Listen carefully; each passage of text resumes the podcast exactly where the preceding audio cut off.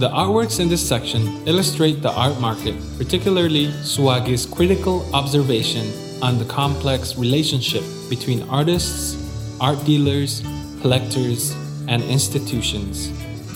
Through these works, we can observe how these influential relationships operate and personally affect the artists. In Toys As Us, created in 2003, Suwage presents a miniature of himself in a series of interactive children's toys and appears as the plaything of others. The relationship is reversed in Passion Play which features several influential figures in the art world, including his dealer, curators, and collectors. They are jailed as if on display behind bars.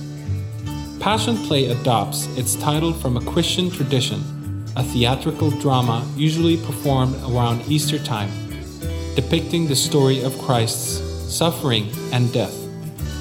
Historically, this drama also has another function to assert social control through religious and political values expected from the community. So, Passion Play here is a satire. It is a response to the Indonesian art boom that began in the 2000s and reached its height in 2009, the time when this work was created for his retrospective exhibition. Still crazy after all this time. This art boom is different from the earlier explosions of the 80s and 90s, where at the time Indonesian art mainly circulated around the domestic market.